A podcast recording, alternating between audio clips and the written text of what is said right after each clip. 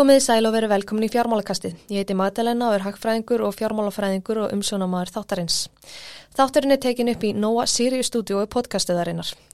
Fjármálakastið hlaðar fyrir fjár, áhuga fólkum fjármál, hagfræð, efnagsmál. Þættin er komið einu sinni í viku inn á allar helstu hlaðarsveitur og inn á podcast.is. Í þættinum í dag hef ég fengið inga til mín hana Solveigu Gunnarsdóttur, eiganda Solveig Consulting. Solveig er með BS gráðu í yðnaðarverkfræði frá Háskóla Íslands og MBA gráðu frá Hult International Business School. Þá eru nætni með prófi verbreyðaviðskiptum. Solveig hefur starfað í 12 ára fjármálumarkaði og hefur starfað sér stjórnaformaður en rekur nú sitt eigið fyrirtæki, Solveig Consulting, en þar ráðleikur hún fyrirtækjum og einstaklingum í fjármálum. Solveig, velkomin. Takk fyrir. Hérna, getur þú byrjað svona að segja mér aðeins frá ráðgjöða fyrirtækinu Solveig Consulting?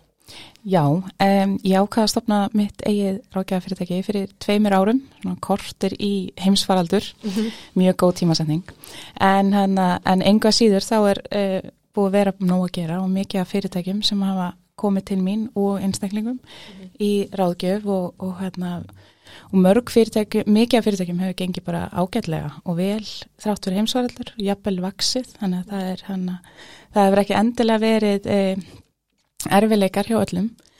En hérna engu síður þá hérna um, ákvaði ég sérst að stopna þetta fyrirtæki eftir um, smá raugraður við eigimann minn. Mm -hmm. að hérna ég var alltaf hvetjum til þess að verða sjálfstæður og hann sér snýri spurningunni yfir á mig og spurði af hverju ég get ekki orðið sjálfstæð og hérna og ég tók það bara inn og, og fór og rætti við nokkra kollega mína á fjármálamarkaði og hérna og fólk sem ég leiti upp til og uh, þá fekk ég yðurlega þau svör að fólki longaði mikið til að verða sjálfstætt en væri ekki búið að læra nóg mm -hmm. og þarna var fólk með 15 ára reynslu me meiri reynslu en ég mm -hmm. og þá hugsa ég ef að því finnst það ekki verið búin að læra nóg þá, hérna, þá verður þau aldrei búin að læra nóg Já, einmitt Þannig að ég ákvað bara stökka á, á hérna E, já, ákveð bara stökka á þetta og, og stopna mitt eigi fyrirtæki. Einmitt, og hvernig hefur svona gengið? Ég menna það hefur gengið ímisletta og það hefur verið heimsávaldur. Hvernig hefur fyrirtækinniðinu gengið? Ég er eiginlega alveg hissa á hvað hefur gengið vel og, og fengið mikið að spannandi tækifærum. Mm -hmm. um, sérstaklega kannski ljósið þess að ég og einmar minn erum að byggja okkur hús þannig að, að þannig að maður hefur ekki haft eitthvað mikinn tíma og maður ekki, hefur ekki getað í heimsfæritunum verið að hitta fyrirtæki og einstaklinga mm -hmm. sérstaklega svona í upphafi upphafi 2019 Nei, einmitt. Hérna, hvað starfaður áður en þú fóst yfir í þinn eigin rekstur? Eh, ég var að starfa eh, með stjórnstörum í landsbríðum, við vorum með hort 2 og hort 3 mm -hmm. og hérna það er svona í raun og veru um, svona framtagssjóður sem mhm. fjárfæstir í þá fyrirtækjum um, sem eru svona meðalstór og stór á íslenskum markaði. Einmitt. Hérna Uh, hverjir hafa verið svona þínir helstu viðskiptavinur og hvaða verkefnum hefur þau synd fyrir það þá? Uh, ég ætlaði eiginlega engangu að stefna á það að vera að vinna fyrir svona lítil og meðal stór fyrirtæki. Mm -hmm. Það var svona áherslega hópurum minn. Mm -hmm. uh, mér erst tækið fyrir að vera þar alveg rosalega mikil og það er oft svona mikil vextatækið fyrir þessi fyrirtæki. Þessi fyrirtæki er oft ekki með fjármálastjóra, eitthvað sem er að stýra lausafjönu það er ekki með eitthvað til að skoða lánin og e, oft er það eigandunir sem að vinna einhvern veginn og fara í öll verk mm. og hafa einfallega kannski ekki tíma til þess að stoppa Emmeit. en svo hef ég bara fengið ótrúlega ólíkan og breiðan hóp af fyrirtækjum mm -hmm. alveg líka starri fyrirtæki sem er að velta 10 miljardum og, mm og, hérna, og fjárfesta sem eru óskæfti verðmötum og annað þannig að, að verkefnin hafa verið mjög ólík sem mhm. að gera þetta ótrúlega skemmtilegt. Já, ekki trúið því. Hérna, þú nefndi vermut. Hvaða svona vermatsaðferðir hefur helst verið að nota? Eh, ég nota yfirleitt svona sjöðustræmis mm -hmm. eh, vermut. Eh, mér þau svona skila bestu að maður er að reyna að greina fyrirtæki og hvert það er að stefna og mm. hvaða vöxtur er hjá fyrirtækinu og uh, mér erst svolítið gaman að fara svolítið djúft í líka svona aðra markas aðstæður sem að hendar einmitt vel núna. Já, já, getur En hérna og þá er ég einmitt líka svolítið, þú veist, markarinn hér er svo lítill og það er rosalega gaman að skoða út fyrir landsteinina Já. Þú veist, hvað eru fyrirtæki sem eru sambarlega þessu sem erum að verma þetta að gera í Evrópu Já. eða í bandaríkjanum og hérna Hvað myndur þú segja sér svona mikilvægast að hafa í huga þegar maður er að verma þetta fyrirtæki? Náttúrulega fórsendun að vera alltaf að vera réttar og það er ímislega sem það þarf svona að hafa í huga Já, mikilvægt segri. Eh, já, það er náttúrulega bara að vera með hana rétt ásræninga.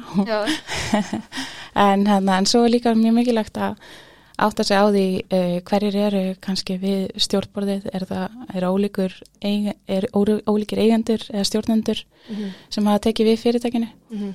Og hver þeirra framtíða sín er og er hún eh, raunveruleg mm og svo finnst mér líka mikilvægt að átta sig á því, þú veist, eru, um, eru stjórnundur búin að setja upp í sínum áallunum eða kynningum um, einhverja vegferð mm -hmm. og er hún raunveruleg og mun hún skila einhverju í sjóðströmmið. Mm -hmm. Það er og veru, eða er hún bara markastól sem maður skilar mm -hmm. raun og veru litlu. Hérna, uh, nú líður senna áramótum og það eru eflust margi sem eru svona að setja sér svona markmið og einhverju að setja sér svona fjárraksleg markmið. Ertu með svona einhverjar ráðleggingar til fólk sem er að segja sér slík markmið, svona hvað er best að hafa í huga? Já, eh, fyrir einstaklinga þá. Já, fyrir einstaklinga. Já, ég myndi segja fyrir einstaklinga er uh, kannski mikilvægast að hafa raunhaf markmið, mm -hmm. um, setja sér markmið sem eru ekki of... Uh, geist, þetta er áveruglega jafn mikið við e, fyrir þá sem eru í, í hérna, íþróttum eða öðru. Um, væntalega hjá þálfurum líka. Mm -hmm. en það var sama við í fjármálum. E, ég myndi segja að hérna, ég var spurðum mitt um daginn um hérna, um, já ég get ekki verið að endur fjármagna lánum mitt og tvekja þryggjar og fresti. Og ég spurði bara af hverju ekki? Já og það er líka svona algengum miskilingur að þarna, þú gerir ekki eitthvað í fjármálum og svo bara situr út æfina á þess að gera neitt meira. Nei, nei, þannig að þetta er alveg sem með tryggingarnar. Nú, er, veist, nú fara alltaf allir og, og hann að fá tilbúið tryggingar árlega. Einmitt. og það má alveg skoða lána sín oftar og það má fylgjast með þeim oftar. Og það má setja sér nýmarkmið það má setja sér hóflegri markmið ár og, og gera þau kröftur eftir þrjámóniði Mm -hmm, hérna við ætlum líka að ræða um behavioral finance. Uh, ég held að það megi því það sem atverðlis fjármál en áður við byrjum að ræða það, getur svona útskýrt aðeins fyrir þeir sem ekki vita hvað það er? Já, uh, behavioral finance, já, uh, því þessum hérna atverðlis fjármál og í raun og veru hefur það að gera með þessast haugðun okkar og atverðli við ákvarðanatöku í fjármálum og, hérna, og þetta er kannski svolítið lýsandi ef við erum áttu fælin eða ef við erum viljið að taka á þetta. Og þetta snýst svona að því hvernig við stillum upp og sjáum fyrir okkur ákvarðunar þannig að uh, það er svona auðvelt dæmi til þess að hlutabriðmarkaðinum að, að að ef ég myndi segja er hérna að kaupa í ykkur hlutabriði og það veru þú veist, það eru bara hérna 5% líkur og tapir en það getur tapað öllu. Mm -hmm. og hérna ætlar að taka þá á þetta? Eða það eru hérna þú veist 95% líkur á þú tapir ekki mm -hmm. en það eru 30% líkur á þú hérna, félagi vaksum 40% næsta ári ef ég myndi bara segja sittnilutan mm -hmm. þá var mjög líklegt að myndir kaupa mm -hmm. en ef ég myndi kannski segja engungu fyrirlutan að það væri þú gæti tapað raunveruleg öllu sem er náttúrulega sannleikurinn hlutabrjöf ef, allt væri liðina sem við erum ekki svo langt síðan og það gerði það hér á Íslandi mhm en hana, að það hefur þetta svona með ákvarðanir fólks, hvernig það horfir á dæmið og hvernig það er sett upp. Og þá er þetta svona, er við að taka ákvarðanir byggðar á því sem við sjáum eða er við að taka raunverulegar ákvarðanir byggðar á, á sagt, því sem er bakvið, er, þú veist, hvernig félagi standur mm -hmm. um, þú veist, er hana, hvernig er lánastruktúrin hjá því, hvernig er tekifleið, hvernig er það að fara inn í næstu árin. Mm -hmm og, hérna, og hvernig fólk er að taka ákvæmlega frá því og það er svolítið gaman að skoða þessar ákvæmlega hjá fólki og skoða fjárfesta sérstaklega og hvernig þeir geta verið ólíkir í sínum ákvæmnum sem er svona í raun og veru þessi hegðun og atverði við fjárfestingar. Hefur þetta ekki líka eitthvað svona að gera með hjarðhegðun? Fólk gerir það sem er vinsælt, það sem er mikið fréttum án þess að leggjast í svona mikla rannsóknarvinnu sem kannski þarf við fjárfestingar? Já, það er alveg rétt og, hérna, og það er alveg hægt að flokka fjárfesta mismundi. Mm -hmm. Við tölum um hérna, svona value investors, uh, sagt, þá sem eru svona verðmats uh, fjárfestar og það er eitt frægast í heiminum Warren Buffett. Hann er alveg típiskur uh, e, value investor. Svo erum við með svona vaksta fjárfesta, fjárfesta í þá sérst, fyrirtækjum sem eru með svona mikinn potential vöxt eða svona um, í raun og verið mætti tala um þú veist eins og Tesla var fyrir nokkrum árum það hefði verið svona og náttúrulega þessi vísi svona sjóðir mm -hmm. verið mætti greina þar um, en svo erum við líka með svona ákveð um, ákveðna stefnu hjá fólki að bara elda og það getur verið áhrif frá fjölmjölum og það getur verið áhrif um, þannig að þú veist hvernig fjölmjölar stilla eða fá kynningarnar inn til sín frá fyrirtækinum og hvernig þeir les úr því og hvort að þeim finnist fyrirtæki flott og það getur það haft áhrif á fjárfestingu hjá einstaklingum og fyrirtækjum. Og svo er það líka þessi hjarðhegðun sem að ég held að sé svolítið ríkjandi á Íslandi. Já, einmitt að, þarna, að við kannski erum að ræða á kaffestofinni og það er allir að fara að kaupa í einhverju félagi. Já, já, og, hérna, og við svona án þess að skoða þá ætlum við bara að vera með. Já, einmitt. Hérna, telur að fólk sé, nú er, ég held að sé ótaf að segja að fjárfæstingar eru að aukast verulega, sérstaklega undanferðnum ári, e, telur að fólk sé almennt að leggjast í mikla rannsóknarvinnu en fjárfæstir eða telur að þessi hjarðhæðun spilir mikið inn í? Já, ég held að þessi hjarðhæðun spilir mikið inn í sko, ég er ekki vissum að margir leggjast mikið rannsóknarvinna sko, en, hérna, en svo sem þú veist, þá þurfum ekki allir alveg bara að liggja yfir bókunum nei, sko nei, einmitt. og hérna, ég er alveg til að sjá fleiri bara taka það átt til að byrja með Já, klálega. og hérna á hvaða vettfangi sem, sem það er Mm -hmm. en hann að markaðan er náttúrulega lítill og ég veit fólk til þess að ef það er að fjárfesta að fjárfesta í ykkur sem það þekkir þá aðeins. Þannig að það geti kannski átt þessi á Það er góð regla að fjárfæsta bara í því sem maður þekkir. Já, þekkir og skilur Já, líka svona þannig að maður geti séð þú veist, ef maður er í, þú veist, tæknigeirunum þá kannski skilur maður um, fjárfesta fyrirtækjan til dæmis betur. Einmitt. Hérna, en eins og þú segir, ég held að þessi staðrend að margir svona fjárfesta í stökum hlutabröðum án þess að hafa svona grunnþekking á fjármálum og ég hef spurt mjög marga sem hafa komið í þetta podcast áður líklega því ég er bara sterkar skoðunir á sig sjálf en sumi segja sem þetta fólk sem hefur ekki mentun að þekking á fjármálum ættu frekar að fjárfesta í sjóðum heldur en í stökum hlutabröðum. Hver er þín skoðun á því? um, Ef þú ert að byrja þá, hérna, þá finnst mér alltaf lægi að fjárfesta í sjóðum Mm -hmm.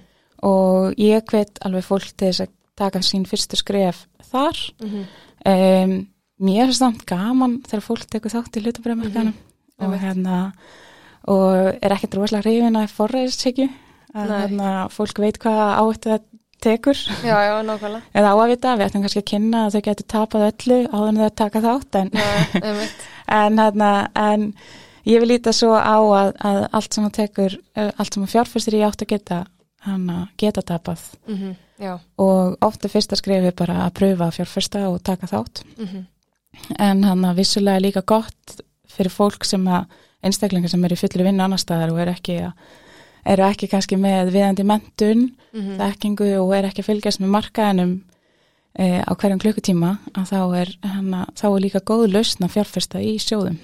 Einmitt. Hérna, ef fólk vil kynna sér atfellisfjármál betur, er svona eitthvað lesafni sem þetta er hug sem að geti hjálpa til með að auka skilninga því?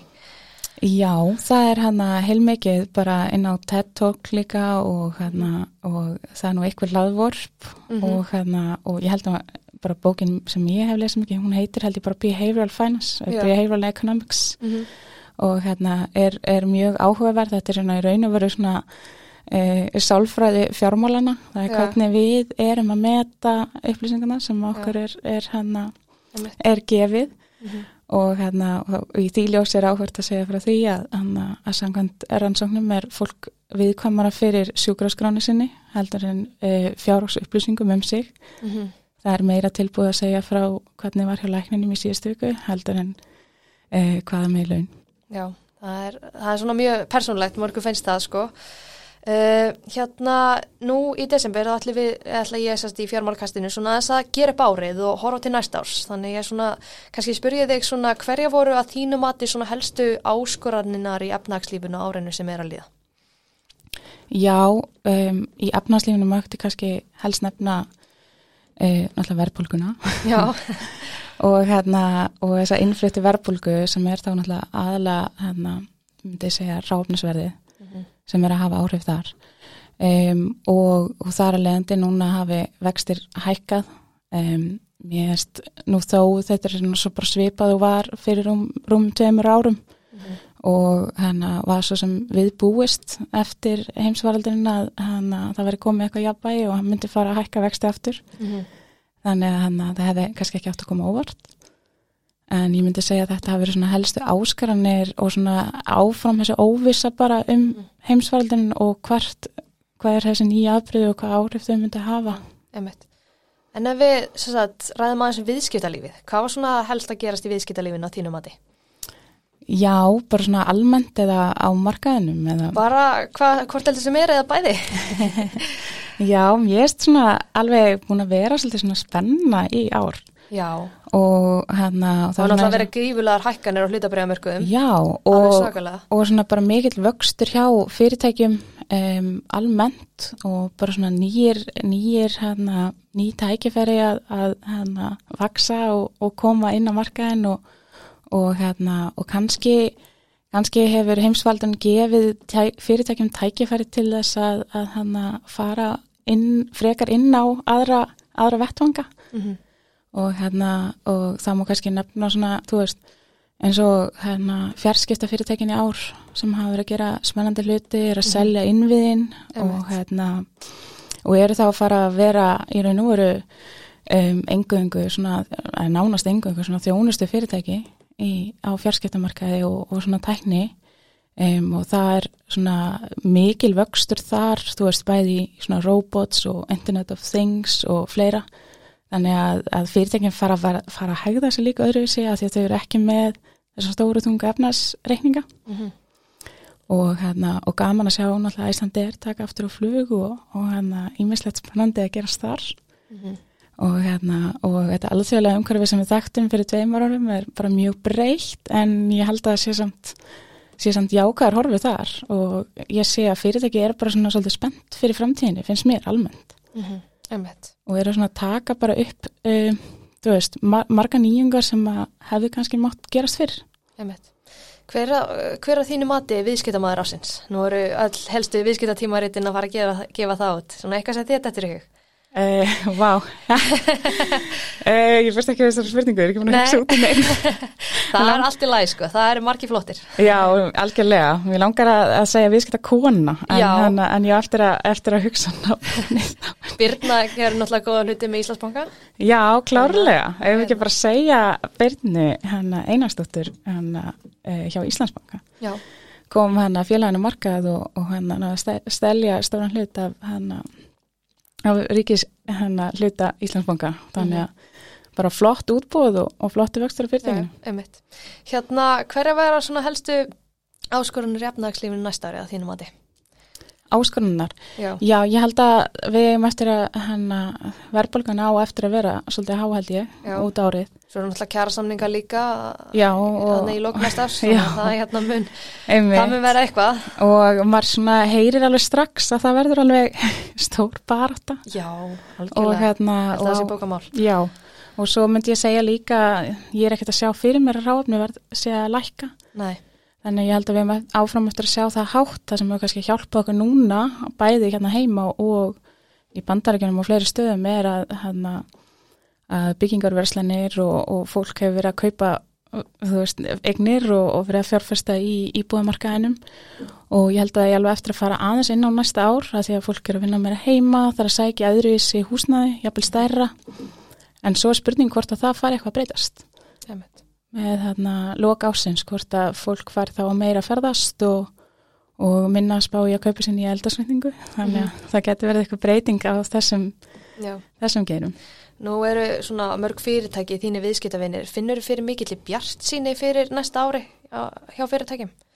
Já, allan af þeim sem ég er með. Mér finnst þeir vera nefnilega alveg svona fullir eldmóði og bjart sinni kannski er það bara eftir veginn eftir langa vetra núna í tvö ár að fólk er er svona, já, að sjá fram á eitthvað nýtt og ég held að mörg fyrirtæki hafi kannski nýtt tækifærið og, og haft e, frekari möguleika á að skoða nýja reyningar og ný tækifæri hjá sínu fyrirtæki þess að vaksa inn á markaðin, jafnvel kaupa önnur félög þannig að mér erst vera svona ágæti spjartsýmni Einmitt. Hérna eins og svo ofta áður, áður þá enda ég þáttinn á svona persónulegum nótum.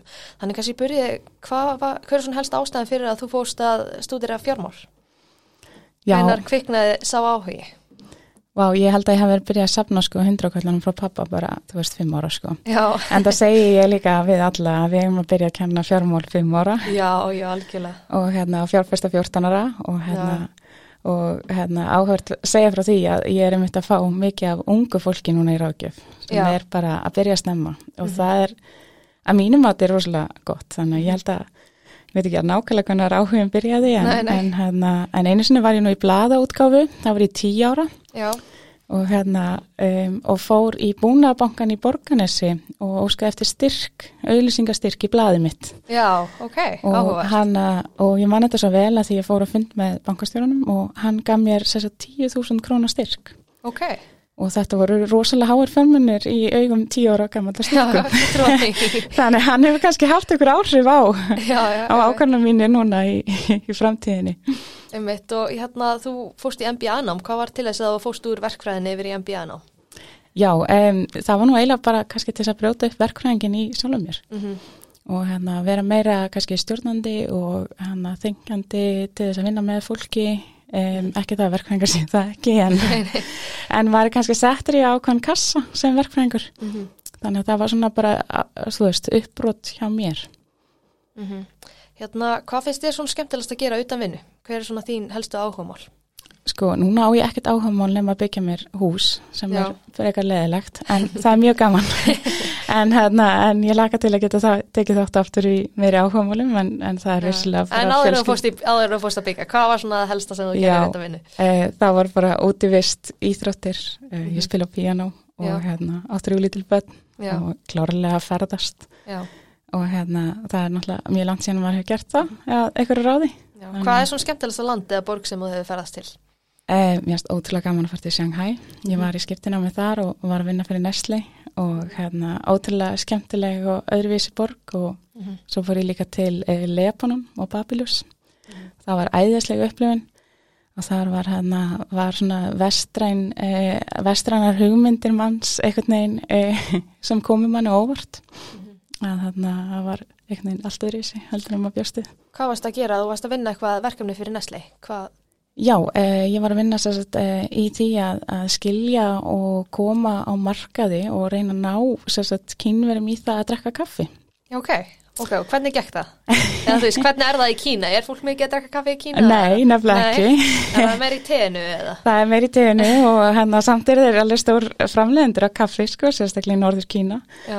En, hérna, en e, Starbucks hefur samt náð ótrúlegum árangri í Kína og það byggir á því að, að það er cool, sko. Já. Þannig að hérna, en eh, kaffi er svona eins og við köllum acquired taste, Mhm. það er að segja að það finnst eiginlega engum það gott fyrst. Nei, nei. Þannig að þú þarfst að drekka því svolítið tíma áður en þú lærir að meta kaffi. Já, sem ég drekka bara fyrir koffinnið, sko. Já, það. nákvæmlega, og þá ertu kannski komin samt inn á sko bræðið og eftir Já. smá tíma þá finnst þér það Já, gott sko. nákvæmlega. En, hana, en það var mjög áhugavert og mjög skemmtilegt að skoða líka bara svona ólíka kauphegðun og ólíka ástæður hjá fólki fyrir að kaupa eins og í Kína ólíkt okkur hér heim á Íslandi. En, hana, en við þessa, þessa, rannsóknir og gögg sem ég fekk frá Nestle þá komast við að því að, að hana, Íslandingar drekka mest af kaffi í heiminum. Já, ok. Já, og, hérna, og það kom mér verulega óvart og, og þeir spurðu mig mikið út í það því ég var í Íslandingur og var að vinna verkefni fyrir þá, Mhm. af hverju og hvernig við næðum að drekka svona mikið kaffi Já, já. Og hérna ég, ég sagði bara ég veit það ekki en við erum náttúrulega vöna að hella upp á könnu, bjóðum alltaf kaffi og erum náttúrulega með svarta myrkuð hérna í Já, desember já, mánu. er að drekka koffin til að halda okkur vakandi í skamdeginu. Já, algjörlega, ég held að það sé svona hluti af því, þannig. Einmitt, hérna, eða þú ættir að mæla með einni bók eða mátt nefna nokkrar fyrir hlustundu fjármálakarsins, hvaða bækur væri það? Eh, Ég hef rosa gaman að lesa bækur um strategy, mér vant á gott orði yfir strategy, en Mhm. ég myndi segja svona stefnu og ströymar eða hvernig við tökum ákvarðanir í, Mhm. í viðskiptum Mhm. og það er ein bók sem hann stendur uppi sem heitir uh, Good Strategy, Bad Strategy Mhm. eftir hérna, um, hvað heitir hann, uh, Richard Rumfeld Mhm. og, hérna, og þessi bók er svona svolítið um það sko og það er allir í ég mitt stefnumótun og, og hérna ætla að búa til strategy fyrir árið. En þetta snýst um sko hvað er strategy og hvað er markmið. Mm og hérna mér finnst það mjög áhugaverður vingill og skemmtilegt að spá í því. Já, að hver hvernig- svona, eða þú ættir að lýsa svona, hver er helsti munurinn á því? e, markmið er bara svona að setja þér heyrðu ég ætla að vaksa hérna um 2% og ég ætla að gera með því að auðlýsa meira. Mm en strategy er meira svona ég ætla að verða stertur á markaðinum Mhm. og þá ætla ég að vinna þannan þó að ég sem minnsti hvernig ætla ég að gera það Mhm. og þó ég segi ekki kannski alla sömu um, í raun og veru sömu tækifærin eða aðfengin Mhm. en að þá ertu í raun og veru byrjar í raun og veru að, að búa til sagt, svona strategy hvernig þú vinnur markaðin Einmitt, einmitt. Er einhver á fleiri bækur sem tengast kannski ekki fjármálum? Lektu mikið?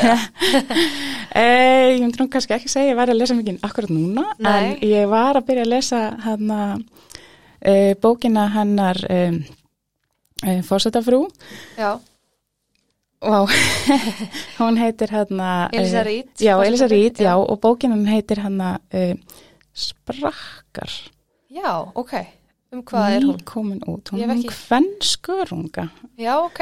á Íslandi Ok, og, hérna, og já, mjög áhugaverð þannig að og ég hlakka til reyndar að því hún skrifa hann á ennsku hún kemur út í februar held ég á ennsku og ég hlakka mikið til að lesa hana líka á ennsku Já, ok, áhugavert. Hérna, er eitthvað lokum sem vil koma á framfæri? Kannski vanandi fjármál fyrirtækja eða fyrirtækið þitt eða eitthvað svoleiðis? Um, Já, bara ég hveti ykkur endilega til að, að koma til minn í ráðgjöf hvort Já. sem verður einstaklingar Ertu, eða fyrirtæki þú ert líka með einstaklingsrangifið það ekki? Jú, ég hérna um, ég ákvað að byrja með það og var svona alltaf á báðum áttum hvernig maður ætti að snúa sér í því en það er bara svo gaman að tala við einstaklinga gaman að sjá hvað fólk er að gera ólíkt og, og hérna þannig að ég þá bara ráðleikja svona markmiðasetning í fjármálum eða hvað ertu nákvæmlega að gera Já, einstaklingsrangifið? bara rosalega ólíkt þetta er bara svona fólk á tímamótum sem er að leita sér af uh, í raun og veru óháðum fjármálaráðgjafa Mhm. og hérna og er svona, þú veist, það getur verið fólk sem er nýbúið að selja fjölskyldufyrirtæki sitt og, og hérna sem það hefur verið í í 35 ár Mhm. en nýbúin að fá arf eða eitthvað slíkt Já, eða það getur líka bara fyrir fólk sem að um, er á erfileikum þú veist, er í erfileikum, er á erfiðum tímamótum eitthvað slíkt, þannig að, hérna, að það kannski þarf aðeins aðstóð og svo er það líka bara svona almenn ráðgjöf um þessa svona þessa svona hjarðhægðun sem við heyrum á Íslandi. Já, já, að við erum rosa duglega að tala á kaffistofunni um hvað aðrir eigi að gera. Og hérna en einmitt, kannski stendur ekkert mikið á bakvið það, þannig að fólk er svona að koma og fá ráðleggingar hvort að þetta sé raunverulegur kostur fyrir það. Einmitt. Hvar getur fólk kynnt sér fyrirtækið ég vil hafa með- samband við þig. Já, eh, ég er með vefsíðu sem heitir eh, solveigconsulting.com og svo er ég líka á Facebook og Instagram og, og hérna Solveig EHF. Þannig að það getur hérna haft sambandið með þar. Einmitt. Og þú ert líka með fjármál fyrirtækja. Hvað, hver er svona helstu verkefnin eða kemur aðeins inn á það? Fyrir fjármál fyrirtækja. Já, í fjármál fyrirtækja. Hvað er Um, svona? það getur verið endurskipulegning, endurskipulegning. Mhm. um, það eru svona kannski fjármögnun bæði á nýjum einingum, einingum eða fjármögnun á nýjum eignum sem það er að fjárfesta í. Um, það getur verið ráðgjöf í lausifjárstýringu, um, ráðgjöf varðandi tekjustreymið og sjóðstreymið að ná sem mestu í raun og veru út úr félaginu þannig að eigandunir fái eitthvað ágóða Mhm.